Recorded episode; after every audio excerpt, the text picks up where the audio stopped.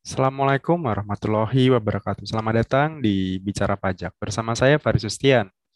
Di video kita kali ini kita akan melanjutkan tentang pembahasan SPT atau bukti potong unifikasi. Jadi kalau di video sebelumnya kita sudah membahas tentang apa itu apa bukti potong unifikasi, kemudian jenis-jenisnya, kemudian apa namanya manfaatnya dan segala macam.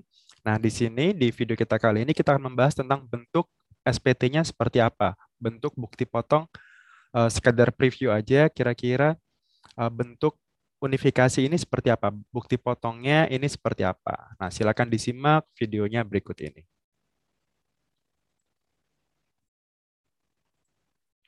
Oke, jadi kita lanjutkan tentang pembahasan SPT unifikasi atau bukti potong unifikasi ya.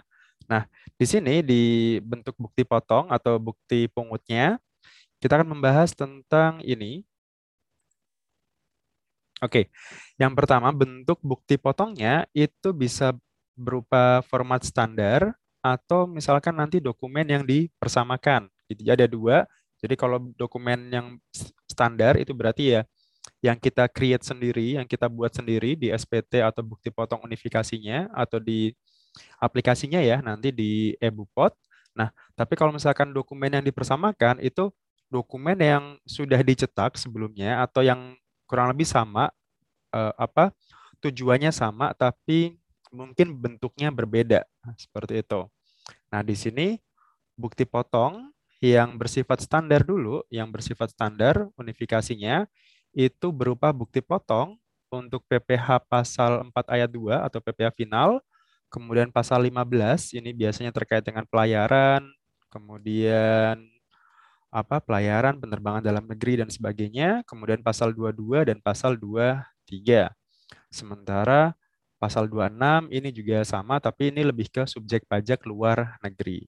Jadi kalau ini adalah subjek pajak dalam negeri, sementara kalau pasal 26 itu kalau si penerimanya adalah subjek pajak luar negeri, maka dipotongnya pasal 26. Nah, sementara kalau tadi kan untuk dokumen yang dipersamakan itu merupakan dokumen yang digunakan oleh pemotong atau pemungut yang ya istilahnya itu sama aja gitu. Nah, apa mungkin bentuknya beda tapi kira-kira itu sama dengan yang dimaksud dengan bukti potong yang standar gitu. Contohnya kan kalau kayak faktur pajak itu kan ada ya faktur pajak yang yang bentuknya standar, ada juga yang yang dipersamakan dengan faktur pajak, misalkan bill, eh, kemudian bill apa bill airways atau kayak tagihan telkom dan sebagainya itu kan dipersamakan dengan faktur pajak. Nah, untuk bukti potong yang unifikasi ini yang dipersamakan contohnya ini ada atas transaksi misalkan bunga deposito, tabungan, eh, kemudian ini biasanya perbankan ya, bunga diskonto obligasi, SBN dan sebagainya. Kemudian transaksi penjualan saham yang meliputi saham pendiri, bukan saham pendiri dan juga saham modal Ventura. Nah, ini biasanya memang yang mengeluarkan dokumen ini kan biasanya perbankan ya atau ya lembaga keuangan lah gitu. Nah, atas kalau misalkan mereka membuat apa ini ya misalkan buku tabungan nih. Buku tabungan atau deposito, bunga deposito kan itu kena PPh final ya, PPh final 20%. Nah, jadi pada saat bank itu sudah memotong pajak atas bunga deposito, nah bukti pemotongan itu dipersamakan dengan bukti potong yang unifikasi gitu. Jadi bank tidak perlu membuat bukti potong lagi gitu. Tidak perlu membuat karena apa yang sudah mereka buat selama ini tentang pemotongan bunga deposito itu itu sudah dipersamakan dengan bukti potong yang unifikasi tadi gitu. Jadi itu kurang lebih perbedaan antara bukti potong yang standar dengan bukti potong yang yang dipersamakan tadi gitu. Nah, kemudian kalau misalkan yang dipersamakan tadi, yang dipersamakan itu paling sedikit memuat nama pihak yang dipotong, berarti nasabah ya, misalkan nama NPWP nasabah itu kalau memang ada dicantumkan, kemudian nomor unik transaksinya atas penghasilan yang dilakukan, kemudian jumlah PPh yang dipotong. Nah, ini contohnya buku tabungan, rekening koran, rekening kustodian, rekening efek atau dokumen yang setara. Jadi buku rekening nasabah atau rekening korannya itu dipersamakan dengan bukti potong karena kan biasanya Kalau kita lihat, kalau misal kita nabung gitu ya, apa bunga tabungan kan sama juga bunga tabungan itu kena PPh final. Eh, penghasilan ya, penghasilan dari bunga tabungan itu kan PPh final objeknya. Tarifnya sendiri 20%. Makanya kalau kita print out rekening koran atau buku tabungan kan biasanya suka ada eh, pemotongan pajak gitu. Nah, pajaknya itu eh, 20% dan atas buku tabungan tadi itu sudah sama atau dipersamakan dengan bukti potong unifikasi yang standar. Jadi itu eh, contohnya ya untuk yang dokumen yang dipersamakan. Nah, berikutnya kita akan melihat di sini sekedar preview bukti potong yang standar. Nah, untuk bukti potong yang standar, ini misalkan untuk PPh pasal 4 ayat 2 yang final ya, kemudian pasal 15, pasal 22 dan 23. Nah, di sini ini adalah bentuknya. Mungkin ini tidak terlalu jelas ya, karena nanti eh, apa mungkin kita juga bisa praktek nanti pada saat sudah ada eh, aplikasinya. Nah, ini bukti potongnya. Kemudian ini adalah nomornya. Nomornya sendiri itu sudah ditentukan ya. Misalkan di sini ada kode dokumen, kode seri, dan nomor urutnya. Kode satu itu adalah untuk yang berkas, kode dua itu untuk yang elektronik di sini. Ini berapa? Kemudian di sini pembetulan atau tidak gitu. Kemudian di sini PPh final atau tidak final gitu. Ini ya, kalau misalkan PPh final kan berarti PPh pasal 4 ayat 2 ataupun pasal 15. Kalau yang tidak final itu kan PPh pasal 22 dan pasal 23. Kemudian identitas wajib pajak yang dipotong di sini, jadi ada NPWP, NIK, dan juga nama di sini. Jadi jenis pemotongannya apa? Tadi ini sesuaikan dengan pasal-pasalnya. Identitas yang dipotong, ini ya, ada NPWP atau nomor induk paling tidak, itu salah satu. Kemudian lebih bagus dua-duanya ya. Jadi kalau jadi diisi NPWP dan NIK-nya gitu.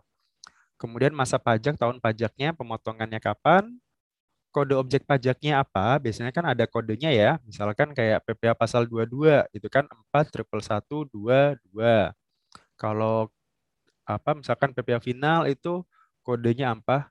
4 triple 128 misalkan.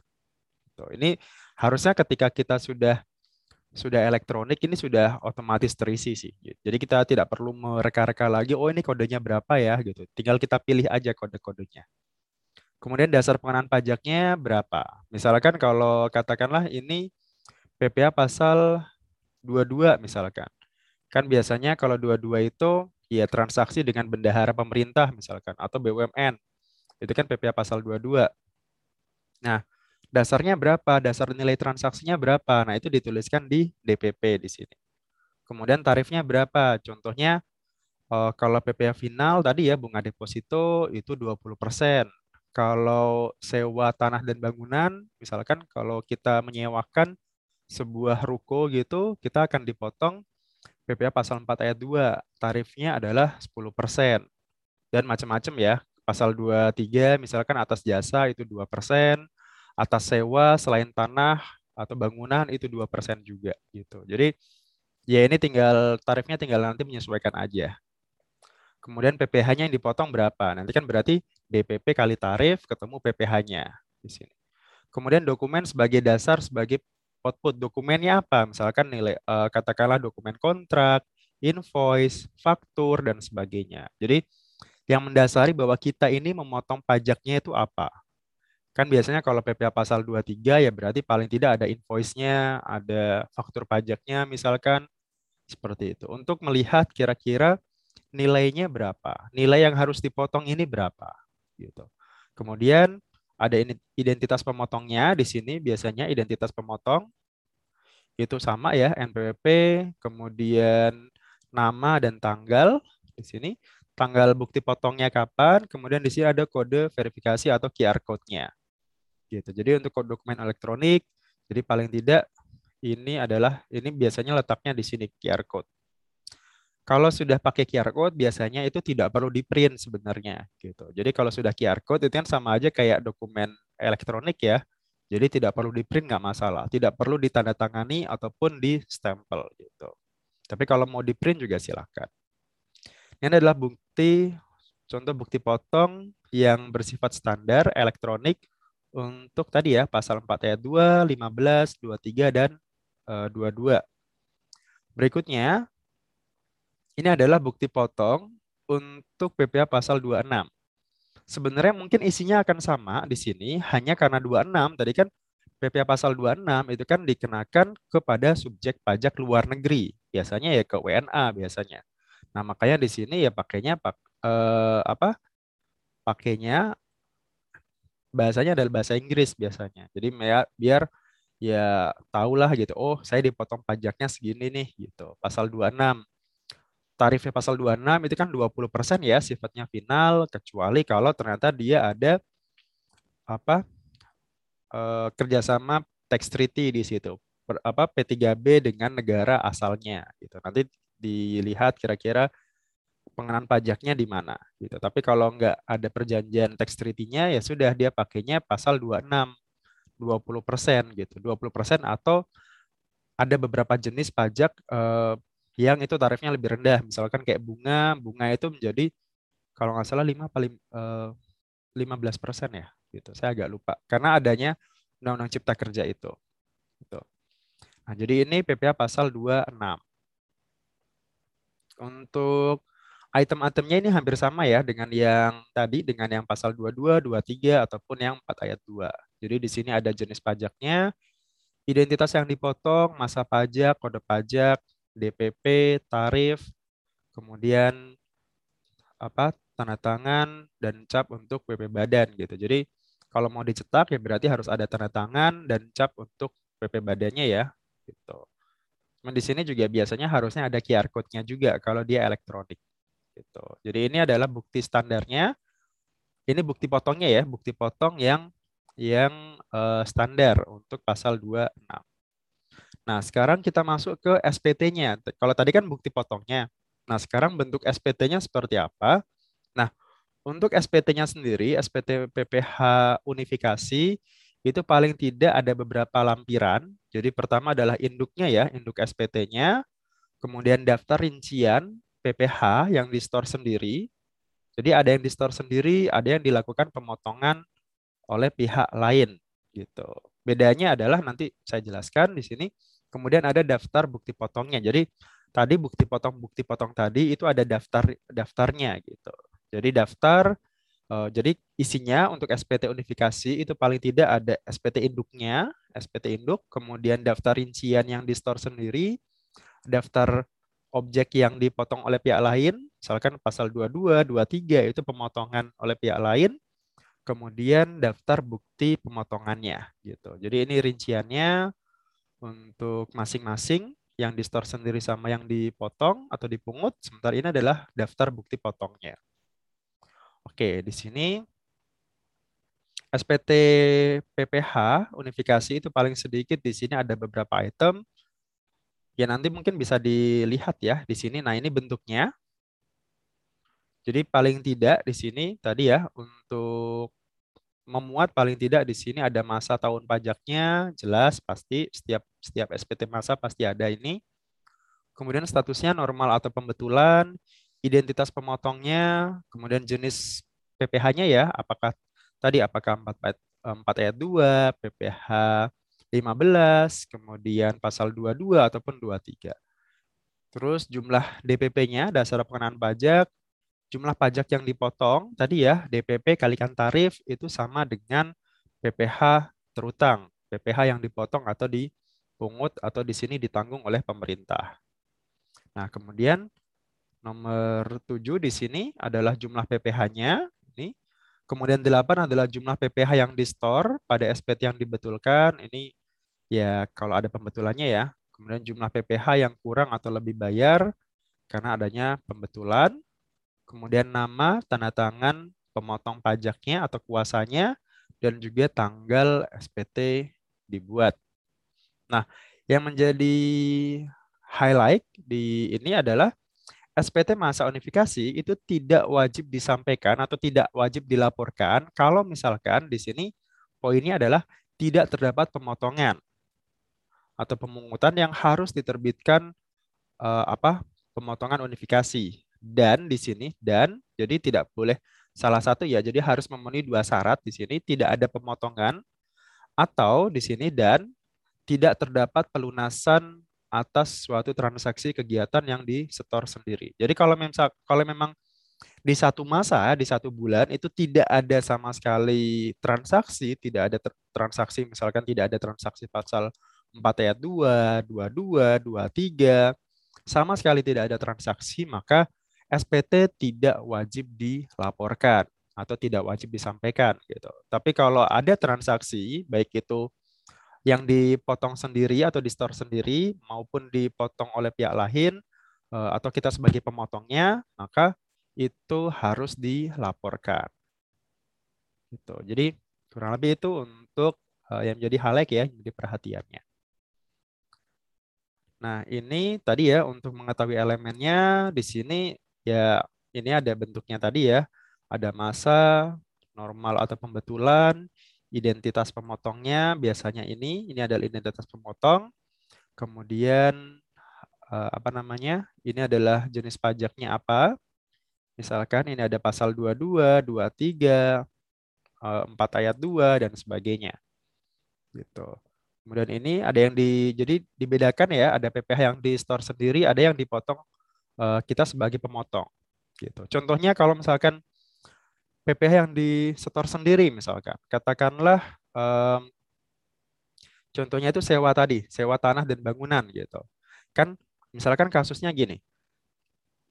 Katakanlah kita menyewa sebuah ruko gitu. Kita menyewa sebuah ruko. Ini asum asumsinya adalah WP badan ya, perusahaan. Perusahaan um, apa?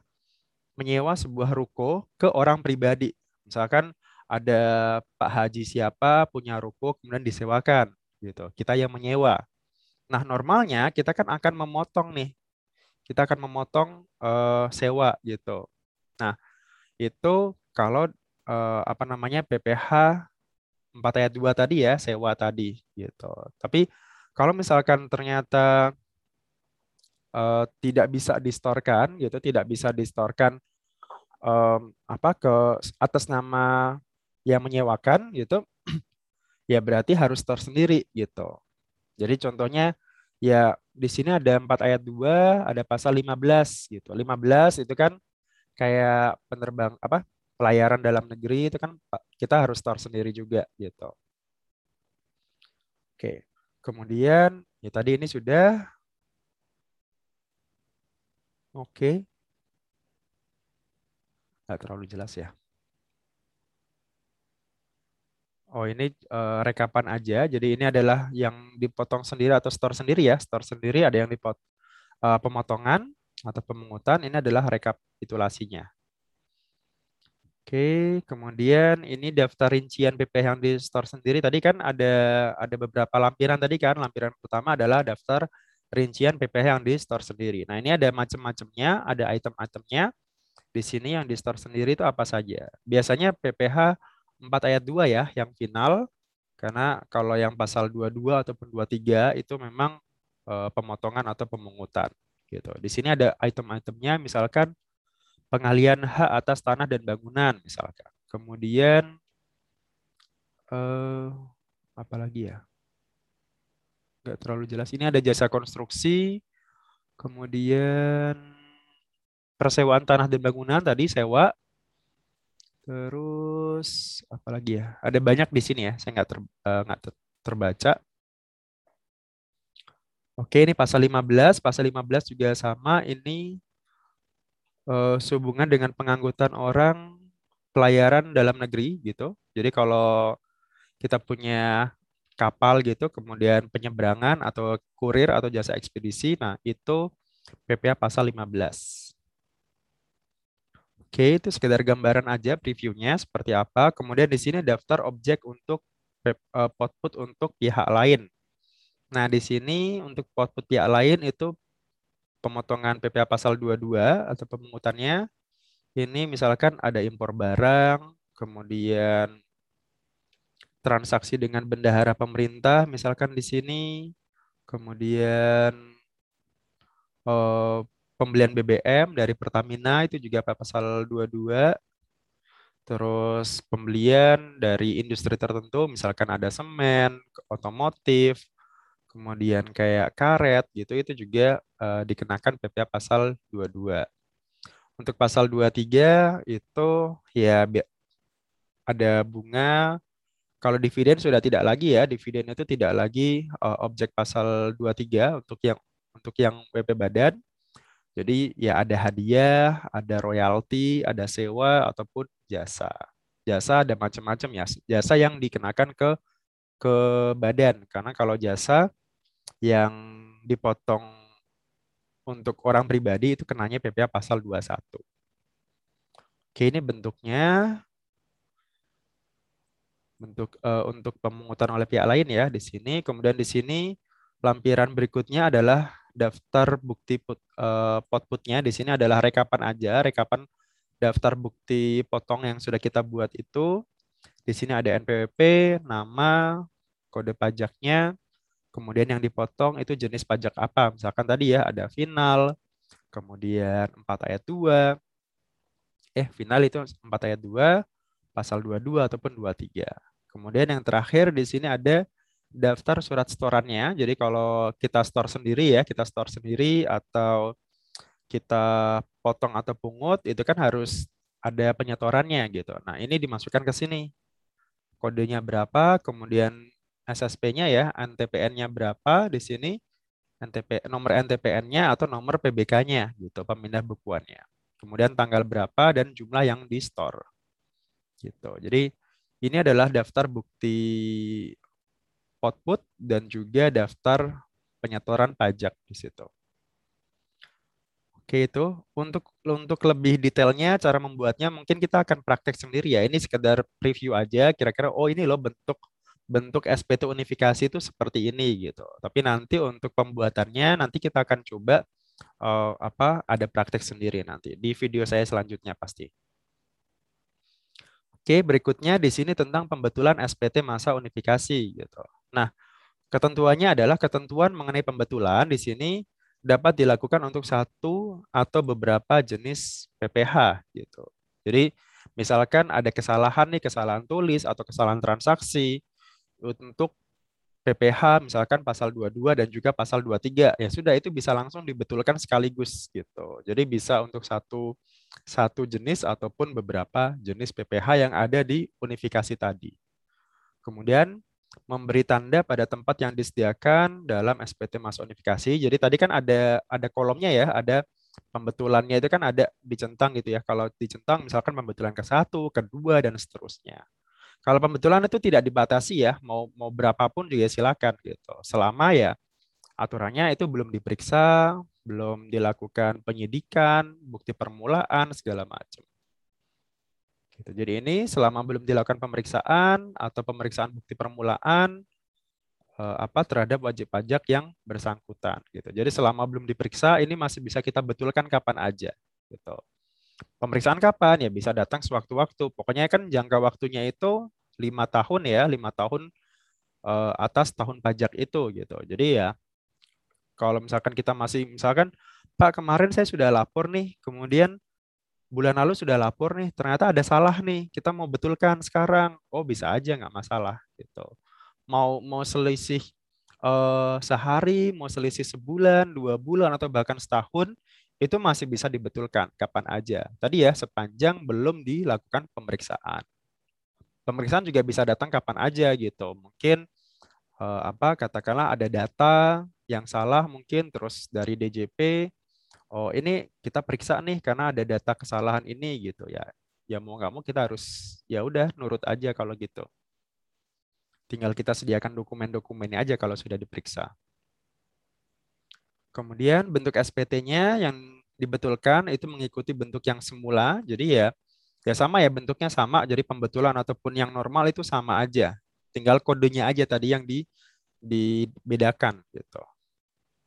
Kemudian di sini dalam hal pembetulan di situ kalau misalkan ada, ada pajak kurang bayar atau ternyata lebih bayar ya berarti ya ya itu harus dibayar kan harus dibayar kalau misalkan oh ternyata pembetulannya itu jadi kurang bayar ya sudah berarti selisihnya itu yang harus kita bayarkan tapi ya Catatannya kalau seperti itu ya berarti siap-siap kena sanksi terlambat setor.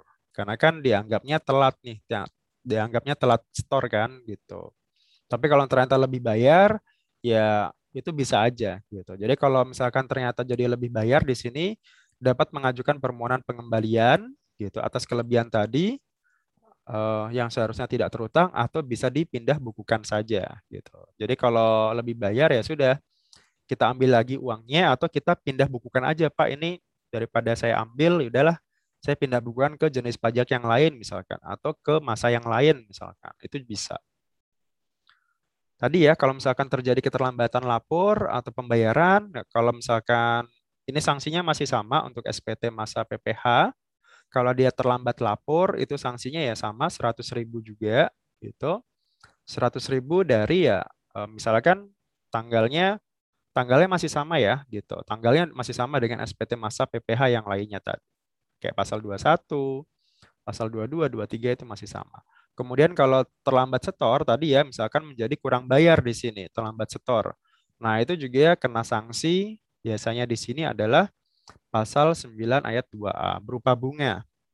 Nah, berupa bunganya sendiri karena sekarang sudah ada cipta kerja tidak lagi mengenal uh, tarif bunga 2% ya. Kalau dulu kan aturan yang lama 2% kali berapa bulan dia telat, kemudian dikalikan berapa yang dia setor gitu. Kalau sekarang kita harus lihat dulu uh, apa namanya? tarif bunganya itu sesuai dengan KMK-nya tanggal berapa gitu. Dia telatnya di bulan apa? Nah, di situ tinggal kita lihat kira-kira suku bunganya berapa gitu. Jadi nggak flat 2% lagi tapi bisa bisa berubah-berubah gitu. Normalnya sih biasanya 0, sih. Jadi jarang 0,95, 0,98 dan sebagainya gitu. Jadi turun tarifnya sekarang gitu, dengan adanya cipta kerja gitu. Kemudian di sini penyetoran jumlah pajak yang kurang di store akibat pembetulan juga sama setelah tanggal jatuh tempo itu adalah pasal 8 ayat 2A. Ini kalau pembetulan itu kenanya PPA pasal ayat 82A Undang-Undang KUP.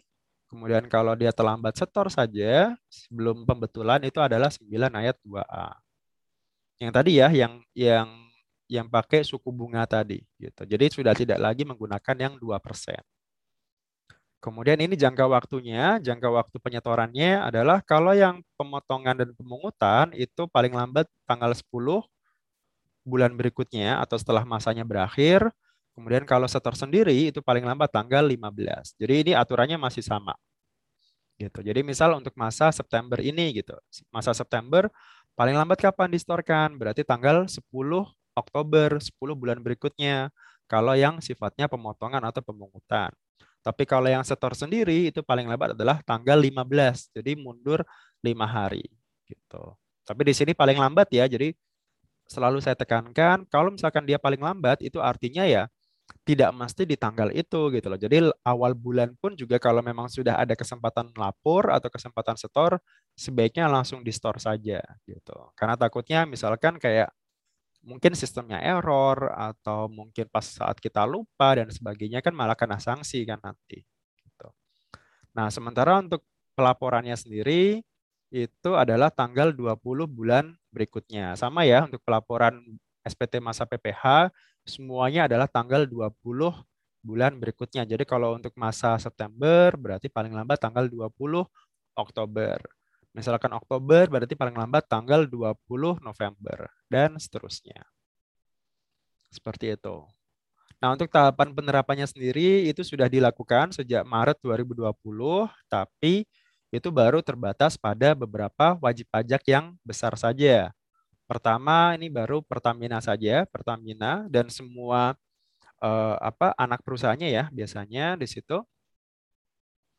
Kemudian ya kemudian berangsur mengalami perluasan di lima Madia di sini, lima eh, Jakarta Pusat, Selatan, kemudian Pratama Gambir 3, 4 dan Kebayoran baru 4. Tapi nanti kemungkinan nanti juga akan apa namanya akan diperluas lagi ya. Bisa jadi nanti unifikasi ini SPT unifikasi ini jadikan dijadikan nasional gitu. Jadi biasanya kan pasti ada piloting dulu kan. Oh mungkin skupnya kecil Jakarta dulu baru nanti Jawa biasanya habis itu seluruh Indonesia biasanya Oke, kemudian ya ini penerapannya yang pelaporannya ya, pelaporannya itu dari sejak Februari 2021, kemudian e-bupotnya, elektronik bukti potongnya itu sudah sejak Maret 2021. Gitu. Kemudian ada juga untuk penerapan SPT masuk unifikasi bagi instansi pemerintah juga ada sendiri nanti. Gitu. Oke, mungkin itu dulu untuk part yang kedua ini. Nanti kita akan lanjutkan untuk aplikasi e-bupotnya. Gitu. Jadi semoga informasi ini berguna bagi Anda. Semoga ini sedikit memberikan gambaran sekali lagi untuk e-bupot atau untuk SPT unifikasinya. Intinya adalah SPT unifikasi ini adalah dia merangkum semua SPT atau semua jenis PPH selain PPH pasal 21 ya gitu.